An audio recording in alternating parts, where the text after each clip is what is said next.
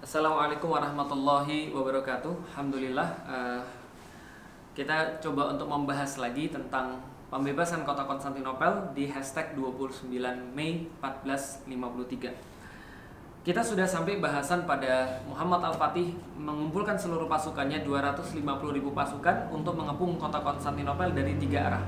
Dia menggunakan kapal-kapalnya untuk masuk ke dalam uh, Laut Marmara dan berusaha untuk masuk dalam Teluk Tanduk Mas lalu kemudian menggunakan pasukan-pasukan daratnya untuk menjebol tembok Konstantinopel dengan meriam-meriam yang tidak pernah ada pada zamannya dan tidak pernah dilihat manusia sekalipun. Maka eh, pada tanggal 6 April 1453 sebelumnya mungkin pada tanggal 5 April 1453 itu pasukan sudah berkumpul semua karena mereka cukup jauh harus berjalan dari Adrianopel atau Edirne menuju ke Konstantinopel. Hampir dua bulan mereka jalan dengan membawa eh, meriam-meriam uh, yang sangat besar yang sulit untuk ditransportasikan. Tapi selama dua bulan mereka selamat akhirnya mereka pada tanggal 5 April ada di situ. 6 April 1453 Al-Fatih mengirimkan kepada uh, Raja Konstantinopel untuk menyerah, mengirimkan uh, utusan, menawarkan tiga perkara. Yang pertama adalah apakah Anda akan masuk Islam lalu menyerahkan kota? Yang kedua, membayar jizyah atau yang ketiga, mereka diperangi tentara-tentaranya. Maka kaisar mengatakan lebih baik kami mati. Uh, karena itulah kemudian Muhammad Al-Fatih menjelang tengah hari membariskan seluruh pasukannya uh, sekitar satu setengah kilometer di depan tembok kota cukup jauh untuk bisa dipanah tapi cukup dekat untuk bisa disaksikan oleh setiap pasang mata tentara-tentara yang menjaga tembok Konstantinopel berikut seluruh penduduk-penduduk yang ada di dalamnya. Pasukan bertahan ada 70 ribu pada saat itu, sekitar 70 ribu, dan mereka mempertahankan tembok. Di hari yang sama, tanggal 6 April, Muhammad Al-Fatih membariskan pasukannya, lalu kemudian melakukan salat Jumat di depan tembok Konstantinopel.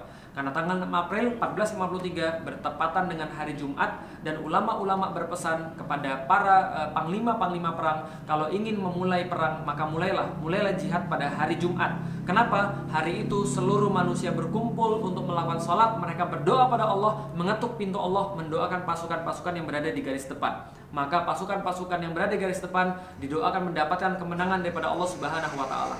6 April 1453 setelah kemudian mereka e, melakukan doa sholat Jumat di sana takbir tahlil berkumandang dan orang-orang di Konstantinopel merasa inilah akhirnya mereka bisa melihat salib di atas Hagia Sophia maka peperangan dilanjutkan dimulailah peperangan itu lalu kemudian ditembakkanlah meriam yang pertama ke Konstantinopel dan dilakukan penyerangan-penyerangan secara rutin pada saat itu. Pasukan-pasukan dan dikeluarkan eh, pasukan-pasukan yang dikumpulkan semua menyerang kepada Konstantinopel namun ternyata hasilnya di luar dugaan. Mereka berbaris menuju kepada Konstantinopel 250 ribu pasukan dengan sebuah keyakinan bahwa mereka akan menaklukkan kota Konstantinopel dalam waktu dekat tapi ternyata semuanya adalah uh, kesia-siaan. Keangkuhan mereka semua kerasa yakin mereka semua jatuh di depan tembok Konstantinopel Kaum muslimin tidak bisa melakukan apa pun di depan tembok Konstantinopel. Temboknya sangat kuat sekali sampai-sampai kaum muslimin merasa putus asa di depan tembok itu. Meriam-meriam yang mereka sudah siapkan ternyata memiliki kelemahan. Apa kelemahannya? Reloadnya 3 jam sekali. Maka setiap kali menembakkan satu peluru, maka itu terlalu panas karena gesekan batu dan meriam itu dari tembaga menimbulkan friksi yang sedemikian panas sehingga tidak bisa untuk di reload kembali. Bila dipaksa maka dia akan meledak, maka dia akan hancur seperti uh, gelas yang dikasih air panas. Nah, maka kemudian ini tidak bisa dilakukan, maka harus diperlama pendinginannya. Pendinginannya diperlama untuk supaya ini bisa dipakai lagi uh, untuk bisa lebih panjang lagi. Meriam-meriam tidak bisa eh, menghancurkan tembok Konstantinopel karena 70 ribu pasukan ini terlatih untuk membenahi tembok. Maka setiap kali ada kerusakan yang terjadi, maka diperbaiki. Kerusakan terjadi, diperbaiki. Kerusakan terjadi, diperbaiki. Bagaimana di sebelah lautan? Di sebelah lautan, di Laut Marmara, rupanya tidak ada satupun yang bisa menyaingi armada Bizantium pada saat itu. Kapal-kapal kaum muslimin berjumlah 400 kalah dengan 27 kapal Konstantinopel yang beberapa kapalnya diambil dari Genoa dan Venezia untuk membantu uh, Bizantium atau Konstantinopel. Maka kapal-kapal tidak bisa berbuat banyak. Beberapa sejarawan menyaksikan itu lalu kemudian mengucapkan bahwa mereka seolah-olah seperti semut yang sedang meng, uh, mengerubuti papan. Jadi kapal-kapal kaum muslimin seperti semut dan kapal-kapal orang-orang Bizantium seperti uh, ka, uh, seperti papan-papan yang sangat besar sekali dan sangat sulit untuk dikalahkan. Nah, bagaimana dengan uh, dengan pasukan yang mencoba untuk melewati Teluk Tandumas? Rupanya Teluk Tandung Mas sudah dipasang rantai yang sangat besar sekali dan tidak memungkinkan satupun pasukan, satupun kapal bisa masuk dalam Teluk Tandung Mas. Semua kacau. Tanggal 6 April 1453 penyerangan dimulai. Tapi sampai pada tanggal 20 April 1453 sudah dua pekan tidak ada secercah pun kemenangan, tidak ada harapan kemenangan pada kaum muslimin. Yang mereka dapatkan justru sebaliknya. Yang mereka dapatkan pasukan mereka semakin banyak yang meninggal. Yang mereka dapatkan wabah penyakit di mana-mana. Yang mereka dapatkan moral pasukan menurun. Mengapa? Karena mereka mendapati seluruh cara yang mereka persiapkan ternyata tidak bisa menaklukkan tembok Konstantinopel. Di saat-saat sulit inilah muncul suara-suara sumbang di saat-saat sulit inilah muncul orang-orang yang mengambil kesempatan dalam kesempitan keadaan. Halil Pasha, seorang penasehat dari zaman ayah Muhammad Al-Fatih yang dari awal tidak menyetujui tentang pembebasan kota Konstantinopel lalu berkata pada Muhammad Al-Fatih, inilah yang sudah saya sampaikan. Harusnya kamu tidak menyerang kota ini. Saya sudah menasihati kamu dari awal. Kamu masih tidak mau mendengarkan saya. Sekarang lihat apa yang terjadi pada pasukan-pasukanmu. Hancur berantakan semuanya. Halil Pasha menyampaikan seperti itu. Belakangan diketahui Halil Pasha ini adalah orang yang sudah menerima suap daripada orang-orang Konstantinopel. Maka kemudian peperangan terus dilanjutkan. Halil Pasha terus kemudian membuat moral pasukan ini menjadi menjadi tidak baik. Moral pasukan menjadi rendah. Maka kemudian Muhammad Al-Fatih pada tanggal 20 eh, setelah kemudian beliau tidak menemukan cara untuk bisa menaklukkan tembok Konstantinopel dan kota Konstantinopel, dia mengumpulkan seluruh pasukan-pasukannya kemudian berkata, Yuk kita rapat. Hasilnya kita serahkan pada rapat ini. Apakah kita lanjut perang atau kita pulang? Maka seluruh pasukannya ketika ditanya tidak ada yang mau menjawab. Kenapa? Mereka takut bahwa Mehmet ini, Sultan Mehmet atau Sultan Muhammad ini walaupun masih muda, umurnya baru 21 tahun ketika itu, tapi dia adalah seorang yang sangat temperamental. Siapa yang salah ngomong, habis. Maka kemudian nggak ada satupun yang berani ngomong kecuali Halil Pasha. Dia berkata, Muhammad, saya tahu kamu dari kecil. Saya melihat kamu dari kecil lahir, dibesarkan, dan engkau menjadi seorang panglima sangat luar biasa hebat. Engkau menjadi seorang yang sangat luar biasa bisa memimpin. Dan tidak ada satupun kaum muslimin bisa dipimpin kecuali oleh engkau. Engkau adalah orang yang sangat luar biasa, orang yang sangat istimewa. Tapi saya itu menyesalkan. Saya itu menyayangkan. Kenapa kamu ini melakukan semua ini, kehancuran ini demi perkataan seorang syekh. Lihat bagaimana yang kau akibatkan terhadap pasukan-pasukan kaum muslimin Gara-gara seorang syekh, engkau mengakibatkan kehancuran besar pada mereka. Ini yang terjadi pada kita sekarang. Kalau kamu tidak ambil pasukanmu, tidak tarik balik pasukanmu, maka mereka akan hancur dan engkau tidak ada seseorang untuk dipimpin. Al-Fatih merasa nggak enak. Tapi sebelum Halil Pasha bisa menyelesaikan ucapannya, meja dibanting. Seorang pemuda lain, Zagros Pasha, mengatakan pada Muhammad Al-Fatih. Dia seorang mu'alaf, keturunan Yunani, kemudian mengatakan pada uh, Muhammad Al-Fatih Wahai Sultan, jangan dengarkan kata-kata dia. Dia hendak memadamkan semangat dari dalam diri kita. Sementara kita datang ke sini, kita bukan datang untuk kembali. Saya ingatkan kepada Anda, kita datang ke sini untuk mendapatkan salah satu daripada dua kemuliaan, hidup mulia atau mati syahid. Dan saya tidak terima bahwa kita kalah di depan batu-batu ini. Maka kita harus tingkatkan serangan, tingkatkan tekanan karena Allah bersama kita. Maka kemudian peperangan dilanjutkan. Halil Pasha tidak didengarkan, seluruh pasukan merasa sangat tersemangati dengan ucapan Zakaros Pasha dan kemudian mereka masih punya satu PR. Apa PR-nya? Tembok Konstantinopel belum bisa dijebol. Maka ada satu uh, penasihat mengatakan, "Wahai Sultan, kalau ini adalah Konstantinopel, kenapa kita tidak bisa membebaskan dan menaklukkan tembok bagian barat karena pasukan bertahan ada semua di barat?" Andai kan kita bisa masuk dalam teluk tanduk emas yang sekarang dibatasi oleh rantai-rantai ini, andai kan kita bisa masuk dalam teluk tanduk emas, maka kita bisa punya chance untuk menyerang Konstantinopel dari sebelah utara. Dan kalau kita bisa melakukannya, maka pasukan bertahan akan terpecah menjadi dua, terpecah menjadi dua di sebelah utara dan di sebelah barat, maka kita punya chance untuk bisa membebaskan kota Konstantinopel karena tembok tidak akan bisa direparasi secepat semula. Maka ini adalah satu-satunya solusi. Tapi masalahnya Teluk Tanduk Emas ditutupi oleh rantai-rantai yang sangat besar yang tidak bisa memungkinkan satupun kapal pun masuk. Maka mereka dalam keadaan itu stalemate, mereka tidak punya solusi lagi. Mereka coba untuk memotong, namun orang-orangnya mati. Mereka coba untuk menabrakkan dengan kapal mereka, namun kapal mereka yang karam. Tidak ada solusi sama sekali. Lalu kemudian di tengah kebuntuan itulah Muhammad, Sultan Muhammad, Sultan Mehmet mengatakan pada seluruh pasukannya, Saya sudah mikirin ini dari semalam. Saya sudah memikirkan ini dari semalam dan saya punya solusinya. Gimana solusinya wahai sultan? Solusinya sangat mudah sekali. Kita punya kapal, kapal-kapal kita ini kita coba untuk kita daratkan di arah Galata. Setelah kita daratkan kapal-kapal ini, maka kapal-kapal ini kita coba angkat dengan tangan-tangan kita melalui perbukitan Galata. Setelah kita angkat kapal-kapal ini melalui perbukitan Galata, maka kita akan kembalikan ke Teluk Tanduk Mas. Sekarang kapal kita ada di Teluk Tanduk Mas. Jadi maksudnya adalah kapal-kapalnya didaratkan di sini, lalu kemudian dipindahkan ke sini, satu setengah kilometer lewat perbukitan Galata, kemudian masuk dalam Teluk Tanduk Mas, sehingga mereka bisa menyerang Konstantinopel dari sebelah utara.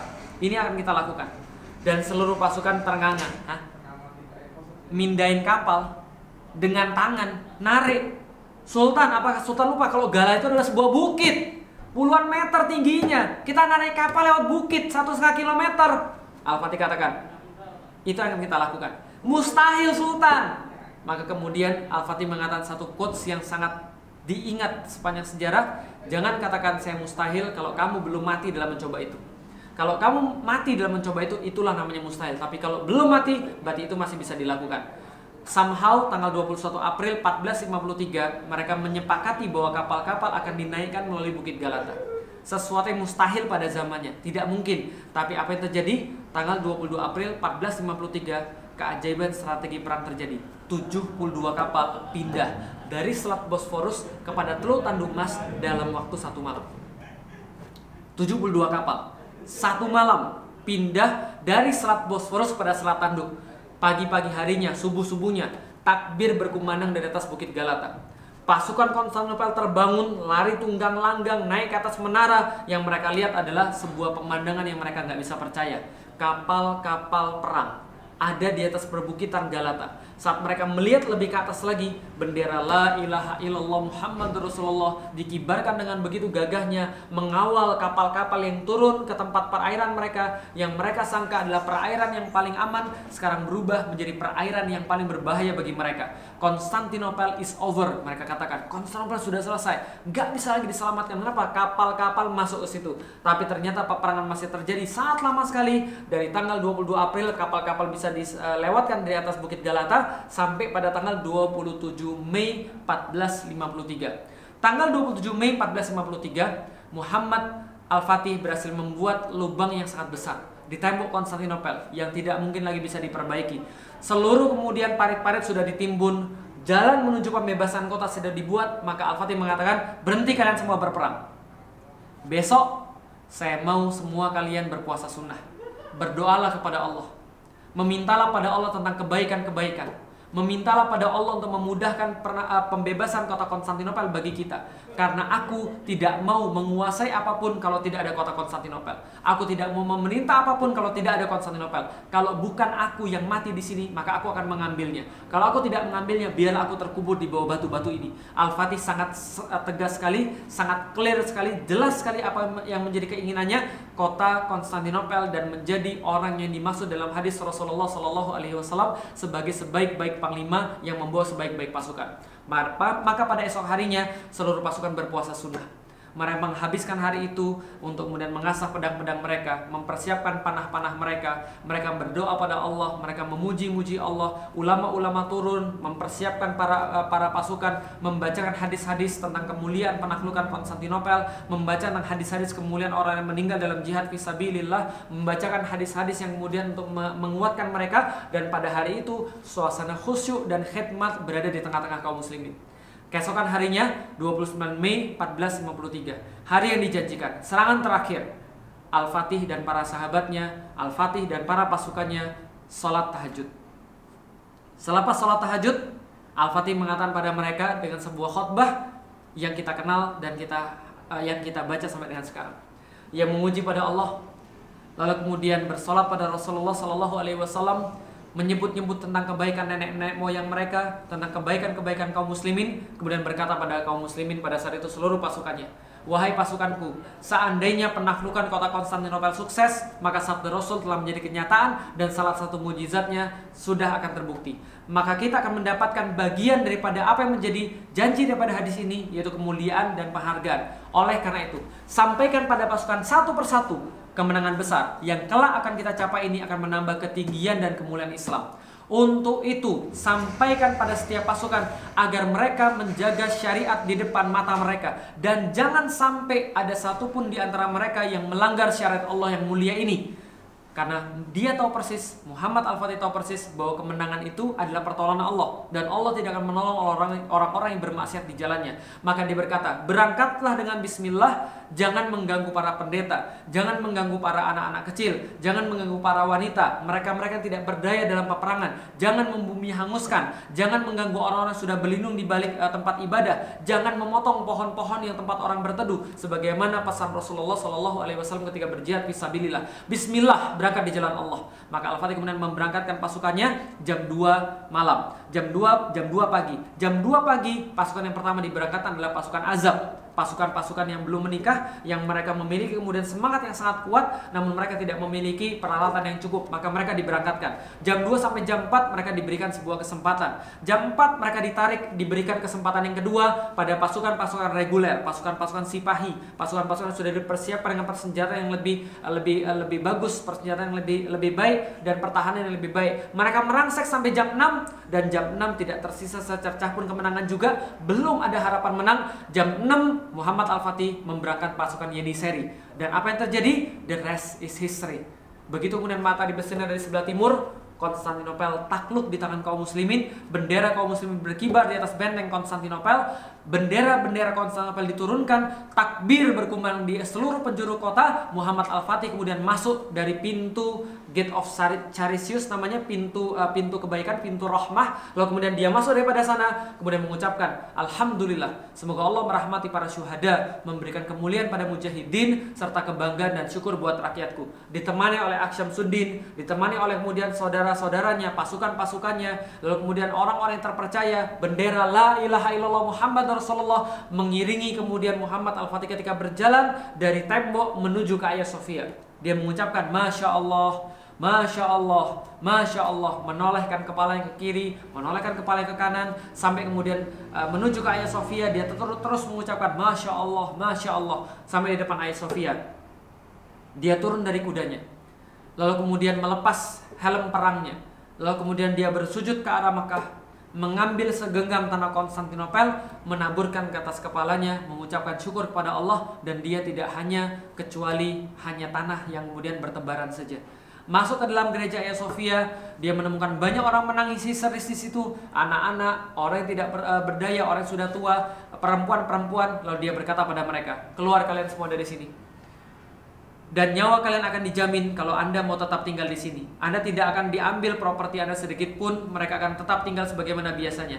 Yang ingin keluar dari kota, kami persilakan mereka keluar dari kota, nyawa mereka akan aman sampai di depan tembok kota, sampai di depan pintu gerbang kota. Silakan pergi ke mana pun yang Anda suka, tapi saya minta tempat ini dijadikan sebagai masjid. Ayah Sofia, tempat yang paling agung, tempat yang paling indah, tempat yang paling bagus pada zamannya.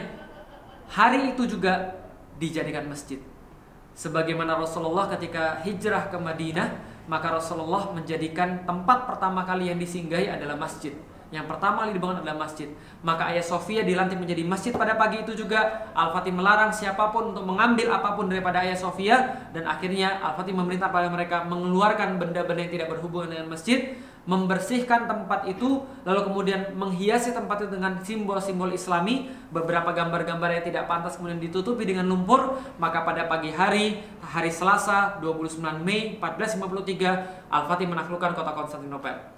Pada hari yang sama, asar, azan berkumandang di kota Konstantinopel. Masya Allah. Ucapan itu tidak lagi merupakan sebuah angan-angan. Ucapan itu dibuktikan oleh seorang anak berusia 21 tahun masuk ke dalam kota kemudian berkata, "Rasul kami tidak pernah bohong." 29 Mei 1453.